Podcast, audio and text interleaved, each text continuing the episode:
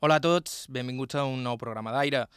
Un programa dedicat a la memòria oral i on en cada episodi intentam apropar-nos a la nostra història col·lectiva a partir dels records i els testimonis dels nostres protagonistes. El programa d'avui és fruit de, de la casualitat, de dues entrevistes en principi no connectades que acaben confluint en un punt obscur i dolorós de la nostra història i la nostra geografia. La Guerra Civil ha estat durant anys un tabú per a molts dels que la varen viure. Potser el no parlar-ne era l'única manera de cauteritzar les ferides que havia deixat en alguns. Per altres, el silenci era fruit de la por, sobretot a les represàlies. Tant se valia que els botxins ja no hi fossin. La por ha persistit. Els dos protagonistes d'avui varen viure la guerra a bàndols oposats, però tots dos comparteixen molt més del que els separa – i com he dit, aquesta coincidència ens la varen trobar per casualitat, pujant a DA a fer una entrevista a un home que enguany ha fet 102 anys, en Toni Roger, Toni Trona de mal nom. De fet, la nostra conversa amb ell va començar de manera innocent, com tantes altres. Avui a Aire veurem com dues vides es creuen lluny de la serra de Tramuntana, a Maó, Menorca, durant els dies de la rendició de l'illa, una de les darreres batalles de la Guerra Civil, on la vida de Toni Trona i la d'una nina anomenada Antònia Carreras Triall varen coincidir per accident i la bogeria d'altres. Començam.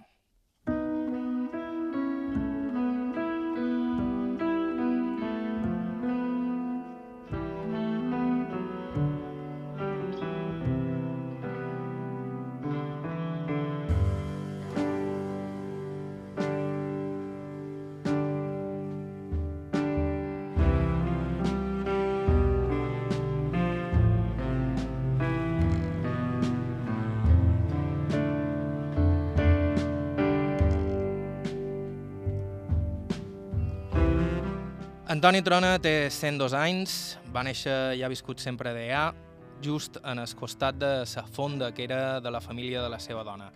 Quan era petit, son pare va morir en un accident, deixant-lo sa mare i els seus germans tots sols. El pare feia, feia feina de marges, de berger, això, i va morir en un accident. I i ma mare pues, anava a cuir oliva i feia, i les meves germanes igual. Després se van posar les germanes a fer guants a Can Rovira, a Rovira de Palma, i van començar que hi havia, hi havia una vintena o 25 que feien guants per Can Rovira. Era una bona indústria perquè va durar això per 30 anys o més de 30 anys. Deà era llavors un poble molt diferent al d'avui en dia, una petita comunitat a la Serra de Tramuntana que vivia de l'oli i de la subsistència. Quan era petit jo hi havia molta més gent, bastanta més. I la gent, molta, d'aquí va partir i emigraren per França, per, per Amèrica, per, per, ja, ja, ja i, però hi havia més gent i la gent se dedicava més a l'agricultura. I ara hi ha molt poca gent, hi ha molta feina, i la feina... L'estiu, sí, l'estiu eh, és, és, és, és, és un infern, això. I llavors hivern i quedaven quatre rates. A la vida d'allà tothom quasi tothom tenia un mocinat de terra. Que, I tenien animals, tots els que tenien terreno, tenien una, conills, tenien gallines, tenien un porc, i feia la vida de, la vida de, de pallès, feia la vida de pallès.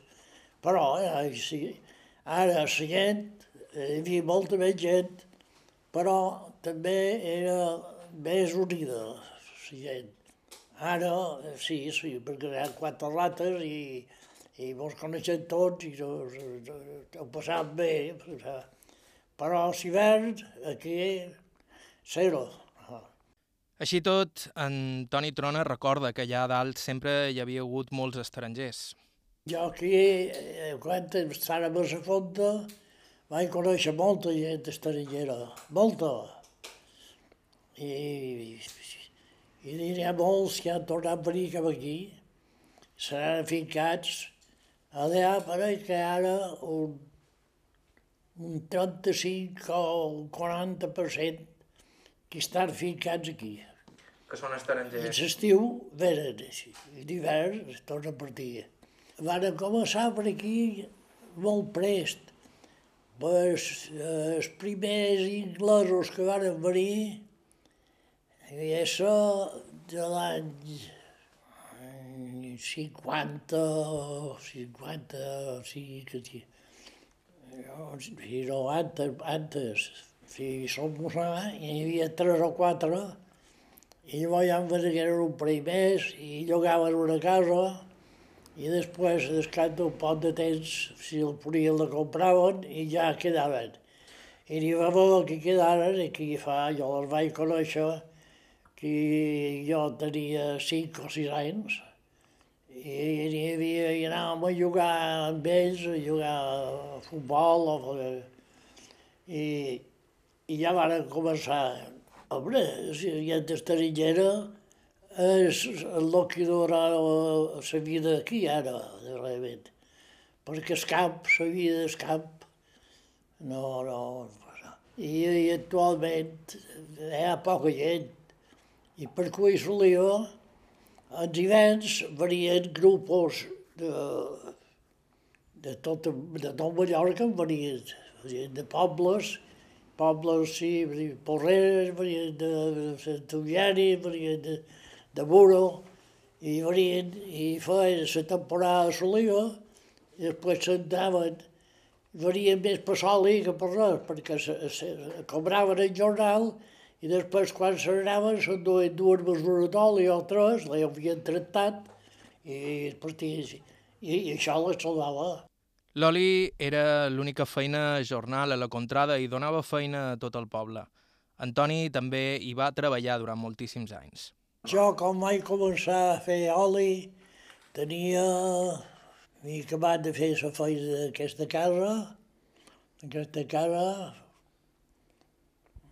Jo tenia 20 o 21 anys quan vaig començar a fer oli. Perquè he fet feina d'aquesta casa i que la van acabar. I fet molt d'oli.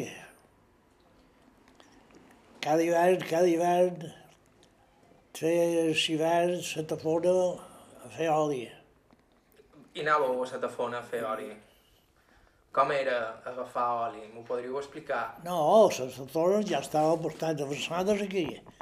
Uh, hi havia maquinari, anàvem visti, davant d'una, una que anava amb electricitat aquesta, hi vaig fer feina de set anys o vuit. I, i m'ho feia molta més via, perquè a més mos molia ben aviat, i posàvem, eh, tenien una turbina, i la turbina donaven eh, calefacció, calefacció a l'aigua de la caldera, i la caldera moria ben aviat. I feien molta feina d'obra. D'hivern hi havia molta feina aquí. Però llavors venia l'estiu i l'estiu no hi havia turisme.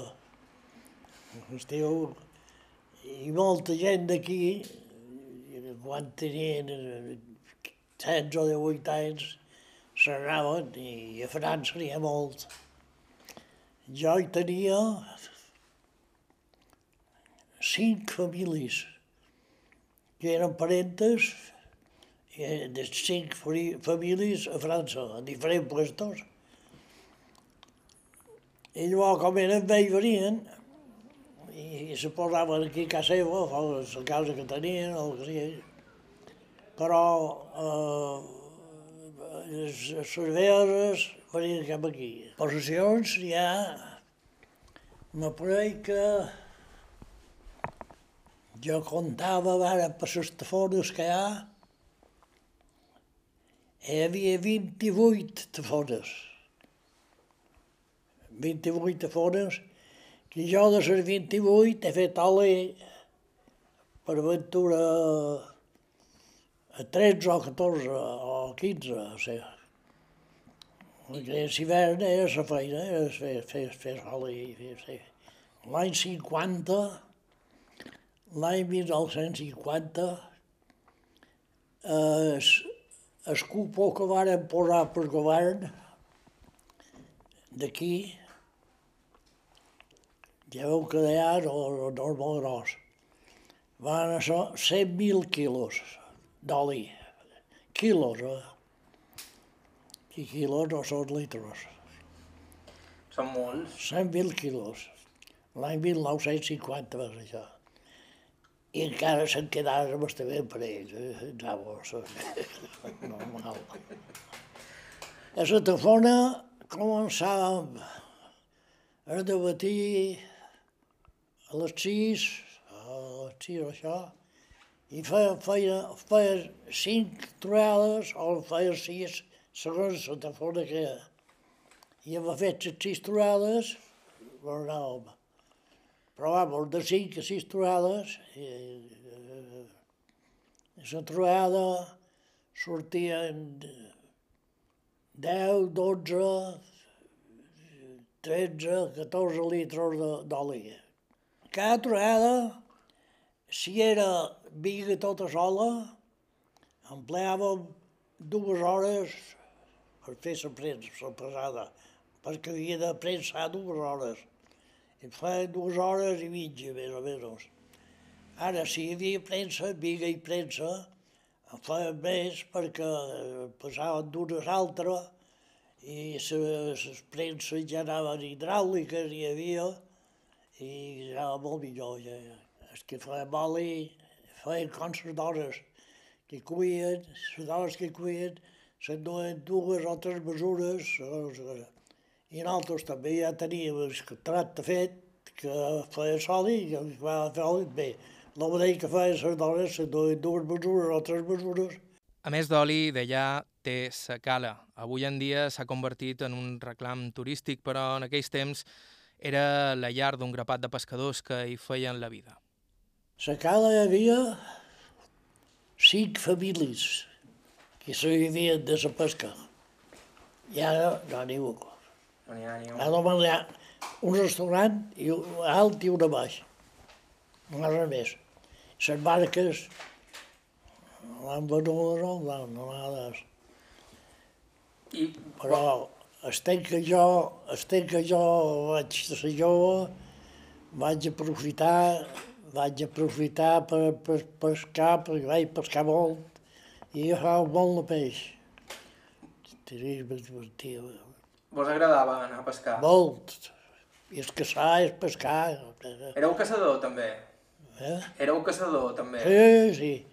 Eh, Vaig comprar un, un oliveret aquí, a la partió de Camp Prom, i, i hi havia dos colls allà, i, i s'hi ven cada dia no, a caçar. Una bona vida. No, que ja no, ja no feia feina, ja, ja. I m'aixecava a les sis, a les cinc i mitja, per munt, i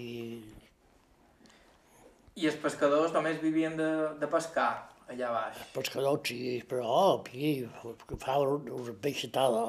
Sí? I te duien el peix, cada dia te pujaven el peix a davant l'Ajuntament, coves de peix, i el peix el veig que botava, i allà feia la volta, i llavors es- si en duien molt, feia la volta per tot el poble, per, per, per, per tinguer peix, i qui més aviat podia pujar millor, i no peix bo, eh? tota classe de peix, hasta a la foradada, a les tonyines, ja agafades per a voltes allà, les pujaven amb un carro de baix cap a Palma. Baix, a, a Palma, els camions a dalt i els camions a Palma. Hi havia una madrava i la sorteaven en tots els que tenien una madrava i la foradada era el puesto preferit. Bé, tota aquesta gent vivia, eh, les dones no, però els homes tots vivien allà baix. Però les dones eh, duien el peix aquí dalt i jo elles sortia a repartir. A vendre. Hasta inclús arribaren que el meu sogre tenia el cotxe que anava d'aquí cap a Solla, deia, feia el servici d'aquí a Solla, i moltes vegades s'enduia peix d'aquí, i hasta Bunyola arribaren a dur peix a ses, de les pescadores d'aquí. La cala també donava de menjar al poble d'una altra manera, el contraband. Per allà entrava molt gènere que va ajudar moltes famílies a sobreviure la fam de la postguerra. El treball no fa tot Mallorca. Això ho sabem. Tot Mallorca. A, a mi, per cert, un em va dir una vegada que anava contra, contra això, que això, això, això, contrabando, això.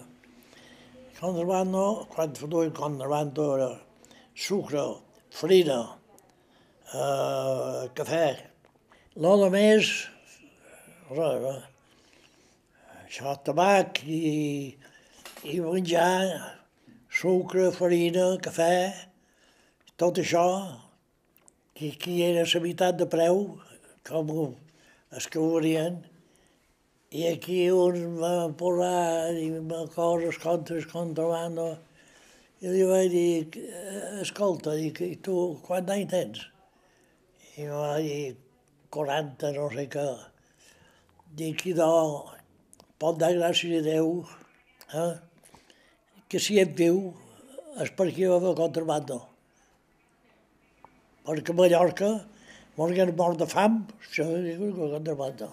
I lo d'aquí que ara saludem per la península, ja ho sé perquè he traslladat moltes saques de farina d'escorter per tot les armades, per tot cap a València, on de València. I cada vespre els soldats, un, un, un, quatre o cinc, traien saques de farina el barco. I aquí era acabat, zero que era acabat, quan era soldat, sí. I vam estar eh, bastant de temps antes de partir a Mó. A Mó i vam anar a l'Orrea. Primer estava a Vendraig i llavors a Palma. Quant de temps vareu ser soldat? Pues, quatre anys més o menys. I com és que vareu entrar de soldat? Ah, va, una, una reserva, pam, pam, pam, pam, pam, pam, pam. No farem dins. Sí. I no, no, no podies dir que no. A part de traginar aquests sacs de farina, vareu fer mai de traginer per el contraband? Vareu fer contrabando? Vareu baixar a fer contrabando? Bé, això... És qui tenia salut. És qui tenia salut. I pensant un poc, va fer contrabando. I vos en teníeu les dues coses? Sí, sí, sí, sí, sí, sí. I això, mira... Sí, va ser, va ser la solució de Mallorca. Era mort de fam, ja sí que mort de fam.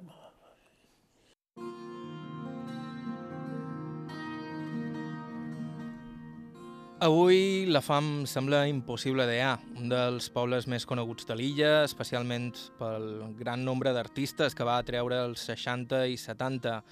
Antoni Trona també va formar part de tot allò. En uns segons escoltam algunes de les seves anècdotes. Al cap i a la fi parlam de l'home que va ensenyar a Ava Gardner a jugar al parxís.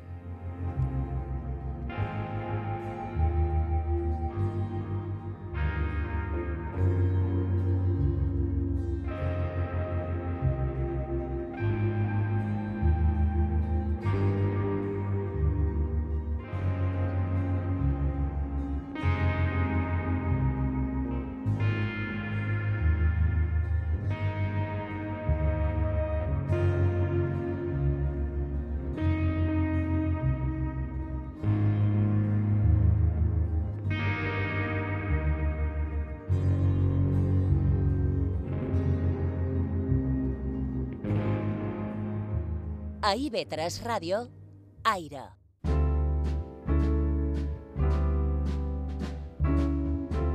Joan Cabot. Aire.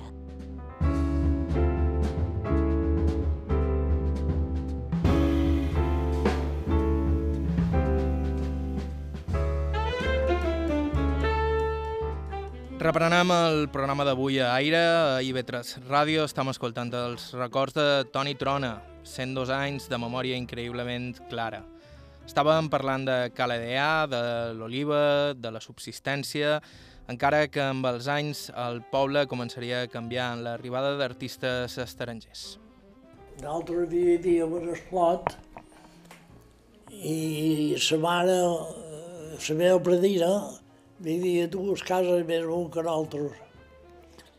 I jo anava a lleure a casa, a casa predina sempre. I eren 20 dies, quan la predina volia fer si una mica de siesta, se posava molt així seguda, i jo de, de, després de dalt me llevava les sabates, les pardanyes que duia, i davallava, i quan i cap a la cala nedar. I nedava, però tu nedava mitja hora, una hora, i jo tornava per dir per amunt, cap, cap, cap allà. Però jo em costava poc escórrer. I que era perquè la vostra predina no vos donava permís per anar-hi, no ho sabia. No fluïa la predina. I no s'enterava de res. No, perquè ella ell dormia i jo sortia per darrere i ella no sabia de tot de res. Perquè l'escala estava a de darrere. Allà. I què fèieu a la platja? Hi havia molt de nins. Com? Sempre, a la cala hi havia nins nedant, sempre. A la cala. Llavors encara no hi anava molta gent. Però ara, Ara està... ara, en l'estiu, eh, tothom que ve, veu, surten de l'autocar i no hi ha cap a la cala. I no hi ha arena, perquè no hi ha arena ara. Abans n'hi havia, d'arena. Abans n'hi havia molta, perquè eh, si, feien obra, ara ja fan una obra aquí a Pintura, el Pinturentet, 15 o 16 camions de terra. Això ho tiraven a des torrent. El torrent això se s'acabava i tot acabava amb arena. I hi havia una platja boníssima. I ara tots són predes. Eh, Encara prohibit tirar-los al torrent llaurar, jo, tothom llaurava, tots els fills que llauraven. Ara diu a llaure, tampoc no es veien d'aigua a el torrent.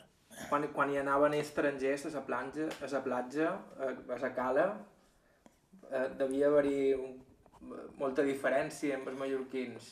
Sí, sí, però no se fijava en ningú, gent, la gent.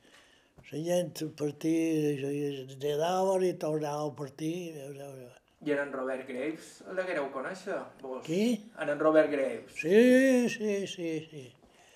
I un dia, un dia li vaig enviar, eh, perquè em va acabar pacient. Jo estava, vivíem aquí dalt, a una casa a Sant Front d'aquí, i el, el Raves tenia una casa al costat, i cada vespre hi havia follot. I jo el vaig emprenyar. I aquí, aquesta mitja, de la mitjanada aquí, aquí hi havia eh, la Guàrdia Civil, era el centre de la Guàrdia Civil.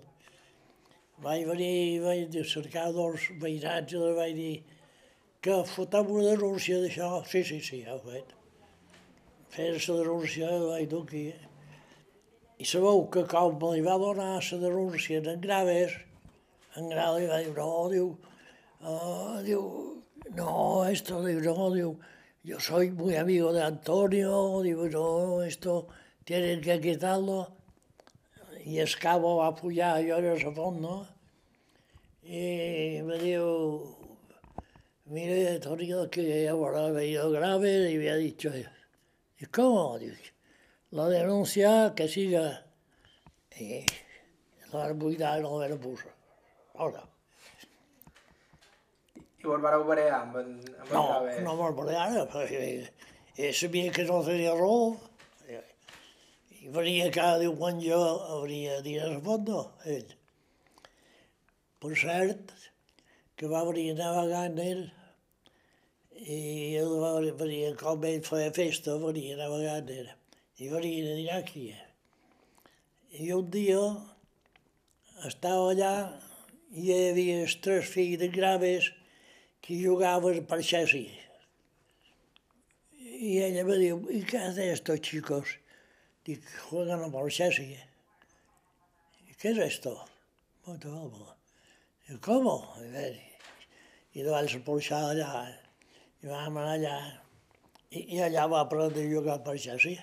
És a dir, vareu ensenyar a Nava Garner Sí, a jugar per Chelsea. sí senyor. Era molt senzill, molt. I va venir, va venir, va venir bastantes vegades aquí.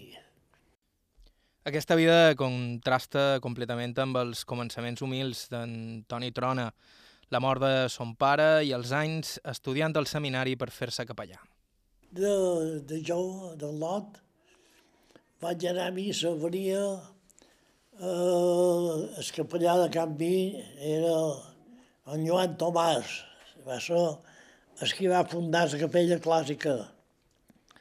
En Joan Maria Tomàs i jo, eh, com que estava, estudiava per, per, per sacerdot, li deia la missa cada dia, li deia ell, la missa a les 10. Aquest era un músic, va ser un fenomen aquest tio. I vos cantàveu? Jo vaig cantar, sí, i vaig cantar la Sibilla dos anys. Primer la va cantar un cosí meu, que estava una finca aquí, i després, quan ell va acabar, que es va, li va canviar, jo el vaig cantar dos anys. I degué ser gros per vos? Era tot Com? un, que era tot un honor cantar la Sibilla? Home, la Sibilla era, era una, una, una peça, i és una peça guapa. Venia molta gent a Sigles i quan cantàveu la Sibilla. Sí, l'Iglesias hi anava tothom. I la, clar, la, la, capella, la capella clàssica que és Don Joan Tomàs va fer un grup aquí i van cantar amb ell, van cantar 4 o 5 anys. El grup érem 11 o 12. I ell era un musical, aquell, aquell home, aquell, va ser famós, per Amèrica. va- I com és que no vos vareu fer sacerdot en el Ah, no m'agradava l'assumpte. Com així?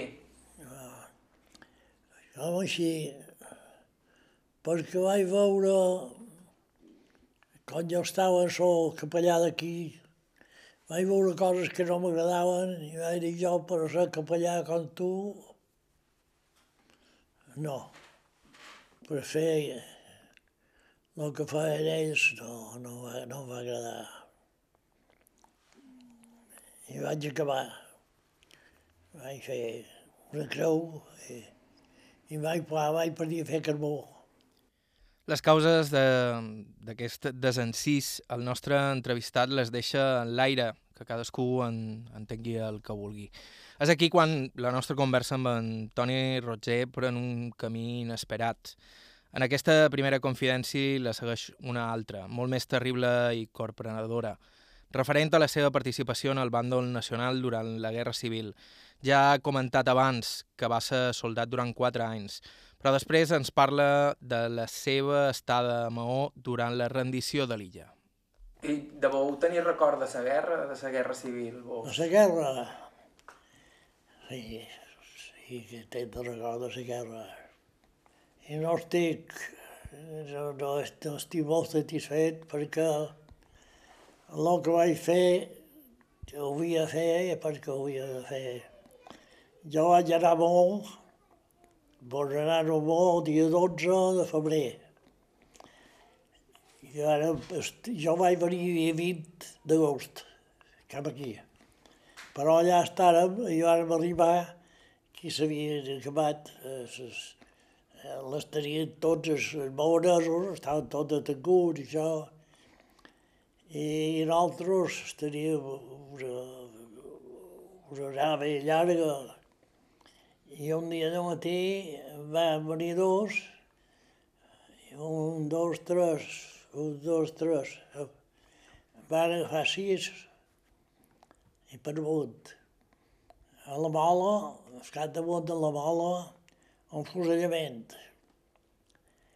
I qui no l'ha vist, qui no ho sap, ho pot dir. Y lo primero que nos dijeron, si uno se escapa, usted está en su lugar. Guapo. Allà veia una persona que no t'ha fet res, ja, que la tens aquí, ja, uau. I tens altres darrere tu la pistola, per, per, per, per altres. Per, per obligar-vos a disparar. Els militars, per jo, de nou, que cadascú entengui el que vulgui. En qualsevol cas, eh, duríssimes aquestes vivències de Toni Trona. A Moi vaig estar de dia 12 de febrer fins dia 20 d'agost. El dia de Sant Bernat, el dia de Sant Bernat vaig venir. Com és que vareu haver d'anar a Maó? Vos sabíeu en... A Maó vam partir amb el Júpiter, i antes d'arribar de, de, de, de, de la bateria que hi havia allà damunt de la mola, damunt la mola va enviar un canyonasso. I el capità va fer mitja volta i sortir per fora. Llavors, esclar, s'ha calmat, d'allàrem, i va desembarcar a Ciutadella. Llavors, de Ciutadella, Mon anàrem, n'hi havia que van anar a peu, nosaltres mon anàrem, com que jo estava a l'estat major, estava de, de, de, de la companyia de l'estat major, anàrem, nosaltres mon anàrem amb dos cotxes cap a Mó, de la Ciutadella, i els altres venien a peu, però ah, ja no hi va haver res més allà. Ara això sí, allà a la Mola era un, i no, era un, I no era un tot sol, això, perquè va ser molt de dies. No, que gràcies a Déu només va tocar i una vegada. I, i que, i, i que, entrava en la companyia, tu, tu, tu, tu, tu. O sigui, li corre, ja, ja, I com és que, que vos vareu, vareu, com vareu entrar a l'estat major? Com? Com va ser que vareu acabar eh, a l'estat major? Ah, quan se va, quan se va acabar la guerra, eh? ja, ja, ja no, no ho recordo perquè l'estimé no ho recordo ben. Uh, però nosaltres quedàrem fins al 36, el 37. Des, del plan del 37 em varen quedar 10 o 12. I llavors, al cap de dos mesos, el dia 20 d'agost, va venir un que estava d'assistent al seu comandant i va venir a les llites de matí de les 6. Diu, Roger, què? Diu, avui vespre morarem. Jo vaig agafar una sabata, vaig dir aquells cuentos, i li anava, diu, diu no, no, diu, són tots morts. I va saber, va dir, morarà. I embarcàrem, embarcàrem al, al, al, al, a Ciutadella embarcàrem, embarcàrem a Ciutadella. I embarcàrem el dematí, el dematí, embarcàrem al vespre, i arribàrem a Palma l'endemà a les 10. Érem un temporal aquest dia que veníem, duien cinc o sis bous a dins, era un bar molt petit, duien cinc o sis bous, mullats allà, i, i, i, i no arribaven dos de morts. Només he tornat una vegada molt. Vaig, vaig quedar plor.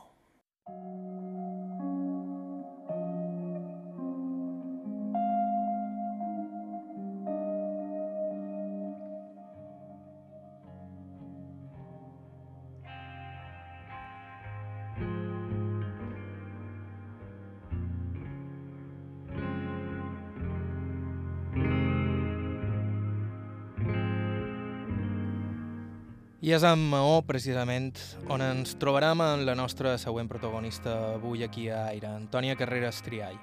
La seva història i com es creua amb la de Toni Roger l'escoltam en uns instants.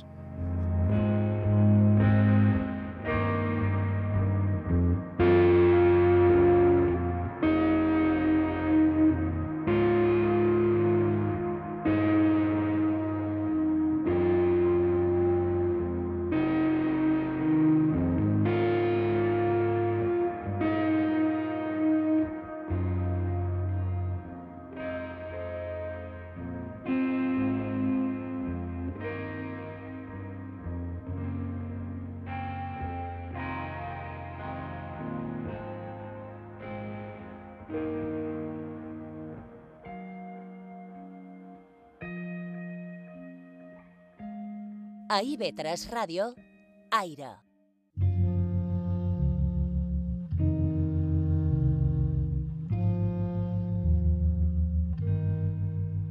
Aire, Joan Cabot.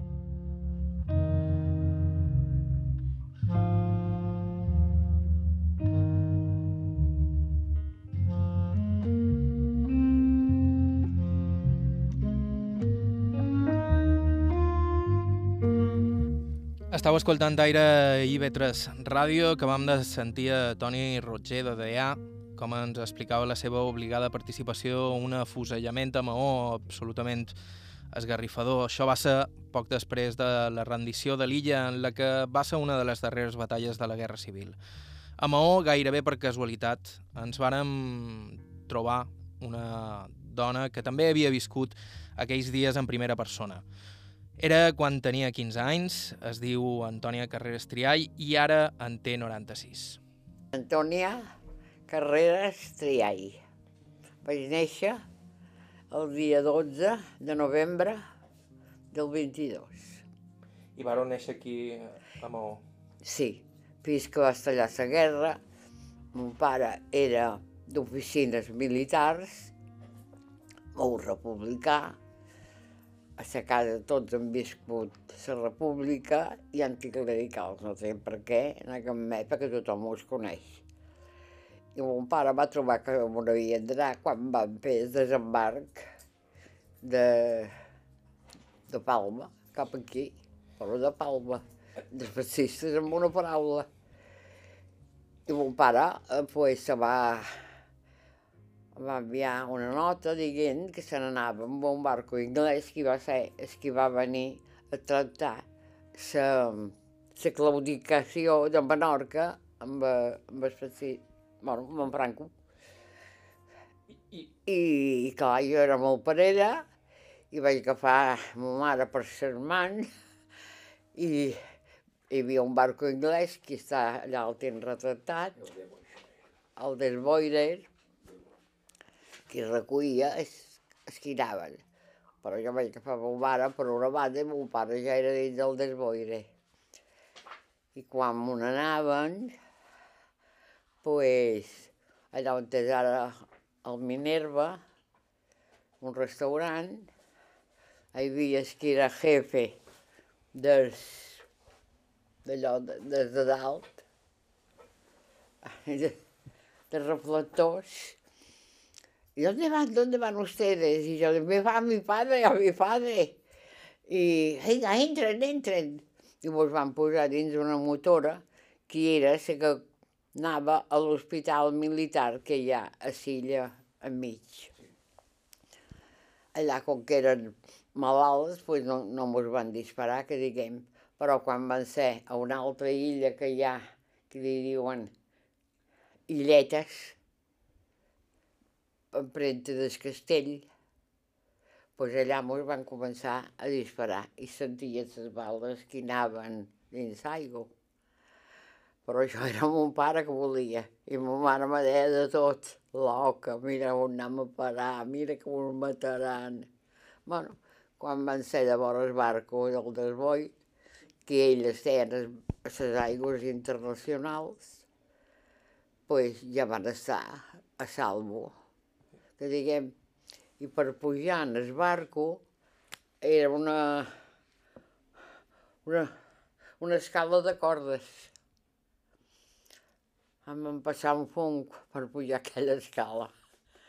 Bueno, jo em prengué ma mare i van ser dalt. Quan van ser dalt, mos van trobar a, moltíssims de maonesos, maonesos i menorquins, perquè hi havia de Ciutadella i... I un que me coneixia molt diu, on nau, on nau? Dic que mon pare, mon pare deia només. I diu, ton pare és en el barco, no passis pena que el trobaràs.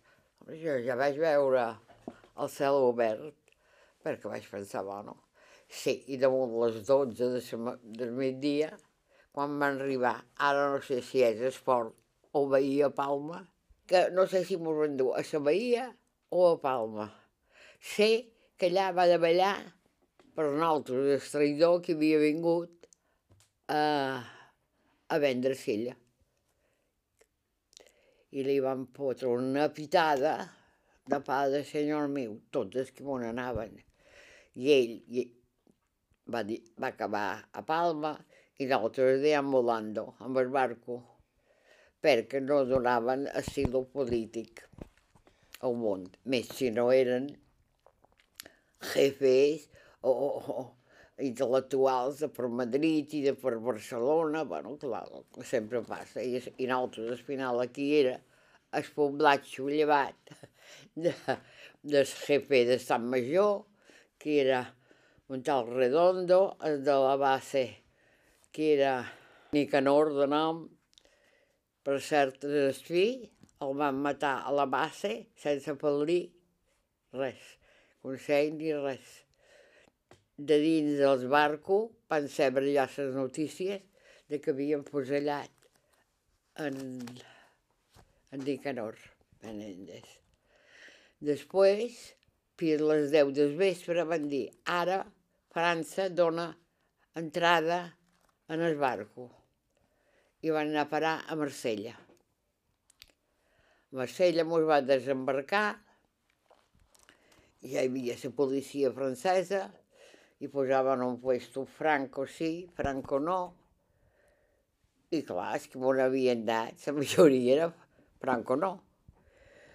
Per un mauret sí que se va colar en el puesto de, de Franco sí, i tots li van fotre una pitada, i ell diu, és que això no sé, no sé on som aquí.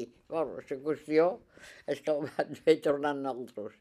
Un cop a França, les autoritats varen separar homes i dones, dispersant famílies, i el pare d'Antònia Carreras va acabar en un camp de refugiats. I els homes, ja mon pare ja va venir i va dir, l'anant junts, no, eh? Uh, espavila i ajuda ta mare. I ells se van endur un autobús d'aquests en gendarmes i van anar a parar a la platja d'Argelers, Sirmer, que era ben igual que la platja d'aquí de la Mesquida, però sense casetes, res, res, de res, de res, més que serena. I cavalls i senegalesos que passejaven per allà. Allà van quedar els homes, mon pare on estants, i nosaltres ens van dur a un departament al costat, però hi havia casetes de llenya amb matalapos i de mon pa, matalapos no, pa per matalapos i dues mantes. Bueno, vestides, van estar allà un, un mes, ben bé, fins que van poder. Els francesos no podien fer més, no, jo encara de l'ap perquè li, li entraven italians que fugien d'Itàlia, alemanys que fugien de Nilder. O sigui, tothom va anar a parar damunt França. I aquella gent se va veure agobiadíssim.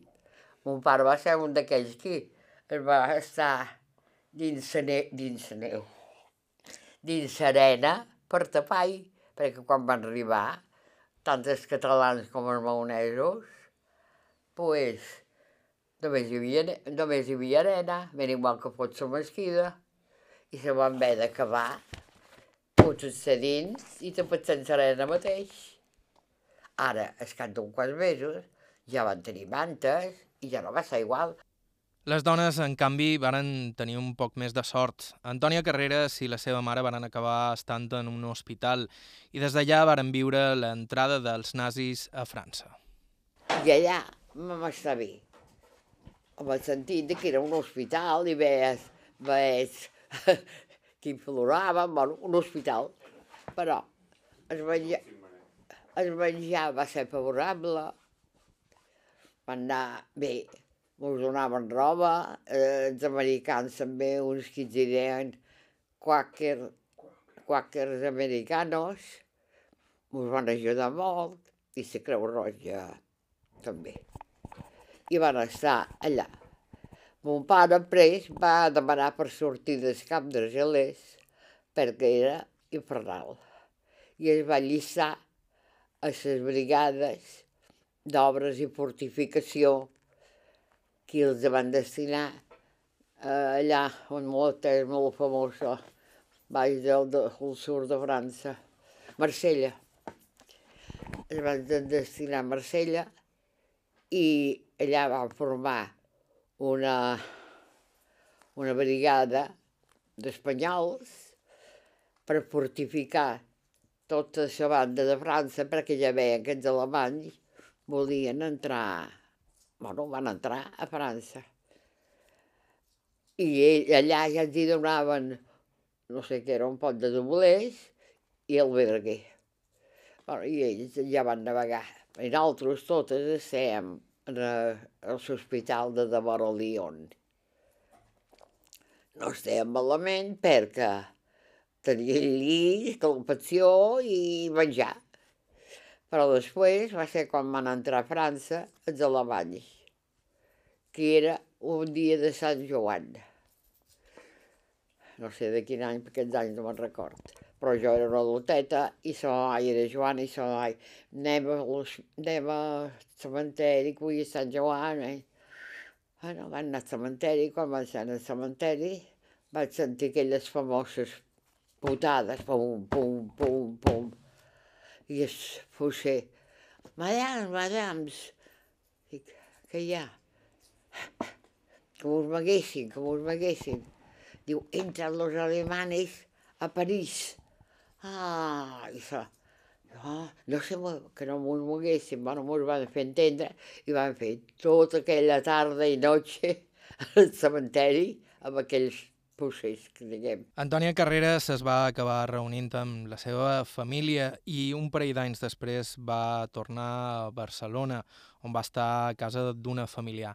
Poc després va decidir tornar a la Menorca dominada per Franco i per aquells que havien obligat a la seva família a fugir, però també va tenir sort. Que jo no tenia que meva, perquè la meva estava buit, perquè vaig de reclamar els mobles a un senyor que era veí, molt bon senyor de Falange, i em va dir, jo te l'arreglaré si quieres. I va resultar que els moros havien entrat de per Ciutadella i mentre passaven les cases que tenien obertes, que havien obert ja les falangistes o els que fossin, eh, entraven i feien saqueo. Diu, si jo li reclam els mobles, es costa haurà de ser costi seu, perquè jo, jo vinc amb una mata quan tinc que demanar el mobiliari, que era un bon mobiliari perquè havia fet un parent també de, de sa mamà i, bueno, una casa sense ser de lujo, de benestar. I tot m'ho van fotre. I no ho vaig poder reclamar. Vaig anar allà volant un dia que una tia, un dia que una altra, un dia que una altra, molt bona família. També vaig conèixer un jove que era carabinero, després, i mos van enamorar i mos van casar molt prest, perquè eh, jo anava de banda a banda. I vaig tenir sort perquè va ser una bellíssima persona, però al cap de quants mesos li van posar estricordio i ell no volia dur de cap manera perquè ell era fill de caraminero també i es amb molta tírria la Guàrdia Civil i Carabineros antes, ara no. Amb això vaig ser més que feliça perquè va ser una bellíssima persona. I és aquí quan no m'ho puc resistir a fer-li una petita broma. Té, té la seva cosa? Una republicana acabi amb un guàrdia civil? No, perquè em vaig quedar amb un carabinero. No ho sé, jo. Jo sí, ho pot anar a mirar. Oh, el que mos va de costar de plorar.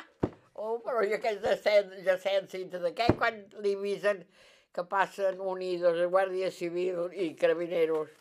Ah, i ell va escriure tot d'un un conco que tenia per Madrid, que era gros, bueno, gros. Que i va fotre tricòrdia tant si volia com no, i això que purgava quan se'l posava, eh? Els nostres dos protagonistes d'avui, Antònia Carreras Trià i Antoni Bonet, Toni Trona, varen viure la guerra costats oposats, però en tots dos va deixar una petjada semblant i una mateixa consciència. Trobar-nos amb ells va ser un poc casualitat, però ens va semblar que aquella coincidència, aquell creuament de vies aquells dies al Port de Maó significava alguna cosa. Esperam haver fet justícia a les seves històries.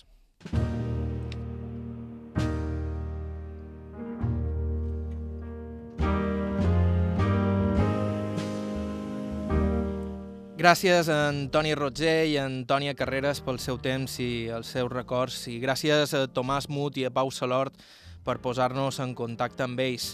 Vos recordam que alguns dels materials d'aquest programa formen part dels fons dels arxius del SO i la imatge dels Consells de Menorca, Eivissa i Formentera i de l'arxiu oral de Mallorca de la Fundació Mallorca Literària Consell de Mallorca. Ens podeu seguir a Facebook, Aire IB3, a Instagram, aire barra baixa IB3 i també ens podeu contactar a aire arroba ivetresradio.com.